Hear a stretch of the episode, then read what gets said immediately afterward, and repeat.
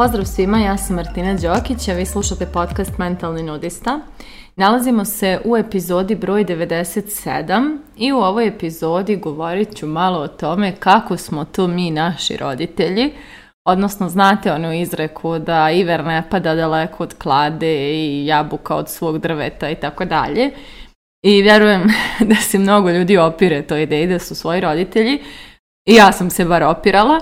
Međutim, što sam starija, sve mi je jasnije da zaista jesam oni, ali i na neke super načine i na neke ne tako divne načine, ali što prije sebi priznamo da mi jesmo svoji roditelji, to prije imamo priliku i da neke od tih obrazaca koje preuzmemo, koji nam se ne dopadaju i promijenimo.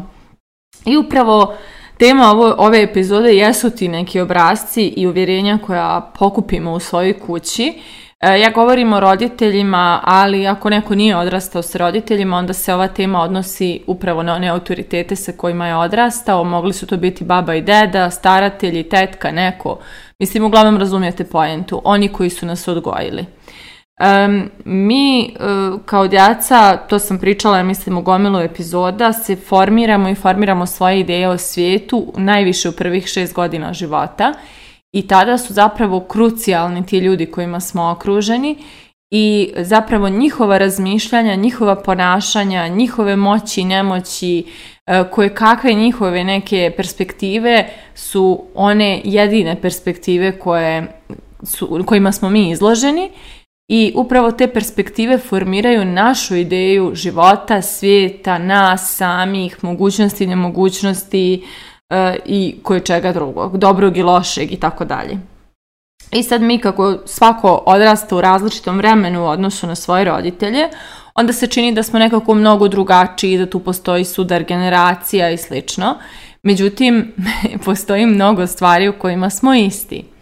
ja, na primjer, sam prije nekih deset godina otišla od kuće, preselila sam se u Beograd i počela neki svoj put promjene, transformacije, samostalnosti i, i ostalih nekih tih dešavanja. I e, polako, ali sigurno sam negdje neku svoju e, e, samostalnost sticala i time mi se činilo kao da sam se potpuno odvojila od svojih roditelje da sam potpuno, potpuno drugačija. I od kad sam mala uvijek sam imala taj moment da sam potpuno drugačija od svoje porodice, a da stvar bude zanimljivija, ja sam i fizički potpuno drugačija od svoje porodice, odnosno moji porodici su doslovno svi crni, crni, s crnim kosama, očima, obrvama, svim, svim, a ja sam ovako plava, odnosno imam zelene oči i svjetla sam. I, ovaj, I negdje sam uvijek imala i neke težnje i razmišljanja koja su se onako dosta sudarala sa mojim roditeljima. Međutim, ono čega ja nisam bila svjesna, pa i doskoro nekih od tih stvari nisam bila svjesna, nekih gdje sam, jeste koliko obrazaca mi pokupimo iz svoje kuće od svojih roditelja i koliko, koliko se ti obrazci, ti, ti, ti programi ponašanja aktiviraju u kontekstima određenim.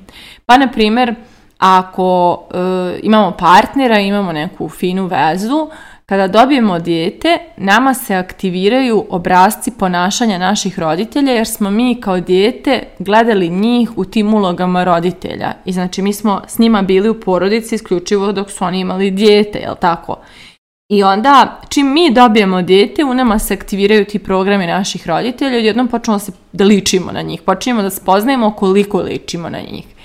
E tako u raznim nekim drugim kontekstima, u vezama, u poslu, dobro u poslu smo manje gledali roditelji, oni su odlazili na posao pa nismo ni viđali kako se, kako, nismo gledali kako se oni tamo ponašaju, ali recimo u odnosima partnerskim, pa onda prema nekim određenim segmentima života. Na primjer, ja sam nedavno spoznala da imam poremećaj u ishrani i da imam jako toksičan odnos sa hranom, da imam praktično mindset osobe koja ima problem sa hranom jer sam odrasla sa majkom koja je čitav život imala taj izazov i čitav život se borila sa viškom, suvišnim kilogramima i uvijek imala te e, mnogo komplikovane odnose sa hranom.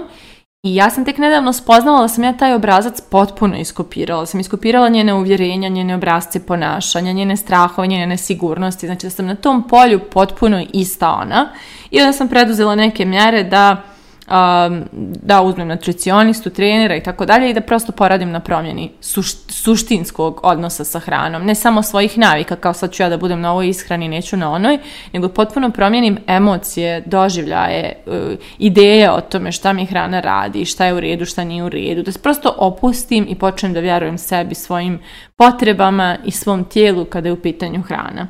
E, također, E, imam isto obrazac kontraša na mog oca, ovaj, gdje recimo mi kad se nađemo u porodici ovaj, za ručkom, svi četvoro, pa onda i bratova djevojka, ona obično svjedoči tome kako se mi tu nešto naduravamo i pametujemo jedni drugima i dokazujemo ko je tu pametniji ja sam recimo tek nedavno spoznala koliko ja nekada sa svojom majkom komuniciram na isti način kao moj otac. A nisam uopšte toga bila svjesna i ne bih nikad rekla da je tako. Onda recimo e, razni neki obrazci e, koji su pozitivni, e, na primjer upornost koju moja mama ima, ja sam je potpuno preuzela i izmodelovala i naučila da se ponašam na taj način, ali isto tako i neke njene komplekse sam naslijedila, pa su tako, mislim pričala sam o onoj epizodi nasljeđene teme iz porodice ili tako nešto, koliko mi tu nasledimo neke njihove nemoći i strahove, upravo sam i ja bila to sve naslijedila i nisam toga bila svjesna. Činilo se da je moj život potpuno drugačiji, da imam neke veće perspektive, veće mogućnosti, šire poglede i slično. I da, imam zaista, ali u kontekstu tog mog šireg terena ja imam slične obrazce i nesigurnosti koje moji roditelji imaju na svom terenu.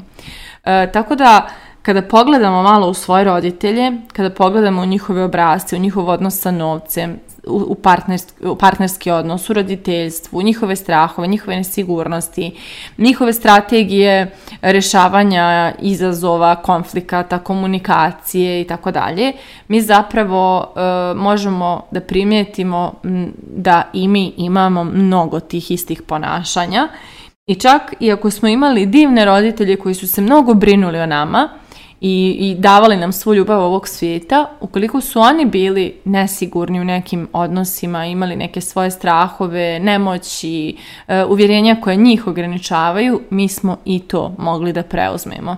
Odnosno, ako smo imali majku koja je mislila da mora mnogo da se muči da bi zaradila koju paru, a nama davala je sve na svijetu, i dalje mi možemo da nasledimo taj obrazac i to uvjerenje da i mi možemo, da, da i mi moramo da se mučimo da bi teško mukom nešto stekle. Tako da nije moralo e, nama da se dešava sve što je u glavi naših roditelja da bi mi to preuzeli. Bilo je dovoljno da smo u njihovom prisustvu, da ih posmatramo, da praktično kopiramo njihova razmišljanja i ponašanja i da na neki neobičan način postanemo oni. E, ja, na primjer, kada sam psa prije mnogo godina, kada kažem kupila, mnogo mi je čudno, to mi je član porodice, ali da, kupili smo je. kada sam prije mnogo godina kupila psa, ovaj, e, počela sam da hvatam sebe kako izgovaram mamine rečenice. Kako, kako na isti način nešto prekorijevam, kako na isti način se ljutim i tako dalje. I mi je bilo šokantno da vidim koliko sam zapravo ista, a mislila sam da ću biti potpuno drugačija. I to je vrlo jednostavno. Mi kada u prvih šest godina praktično prikupljamo tutorial o životu, kako se ponaša, kako se reaguje, kako se razmišlja, šta se može, šta se ne može, šta je u redu, šta nije u redu i tako dalje. I to se sve upisuje u naš nesvjesni um i praktično kada napunimo 6-7 godina, naš mozak izlazi iz te hipnotičke faze gdje smo kao sunđeri sve upijamo i sve što je naučio u tih 6 godina naš mozak prebacuje u nesvisni um, a onda nesvisni um određuje svjesnom umu šta je moguće, a šta nije moguće. I onda praktično naš nesvisni um je glavni gazda zapravo i on vlada i svjesnim umom, a u našem nesvjesnom se upravo nalaze svi ti obrasci koji smo mi prekopirali, svi ti načini razmišljanja, sve te ideje i, reakcije i ponašanja i sve živo što smo vidjeli kod svojih roditelja. Tako da htjeli mi to ne htjeli, mi zaista jesmo svoji roditelji i e, što prije to sagledamo, bit će nam lakše da na to i utičemo i da na neki način to okrenemo u svoju korist. Ja sam jako srećna zbog nekih osobina koje sam naslijedila od svojih roditelja, zbog nekih uzora koji su oni meni dali u određenim poljima života, ali sam isto tako mogla da ekstraktujem šta čak i u tim pozitivnim primjerima bih ja malo doradila na svoj način, a opet šta u ovim nekim ne baš pozitivnim primjerima e, mogu da promijenim i gdje, gdje sam ja nemoćna da sama to uradim, pa mi možda potrebna spoljna podrška, jer prosto u porodici nisam imala primjer nekog konstruktivnog pristupa nekoj temi, poput to ishrane. Tako da razmislite o tome i moje pitanje za kraj ove epizode je u čemu ste sve to vi svoji roditelji? Mislite o tome, a mi se družimo u narednoj epizodi.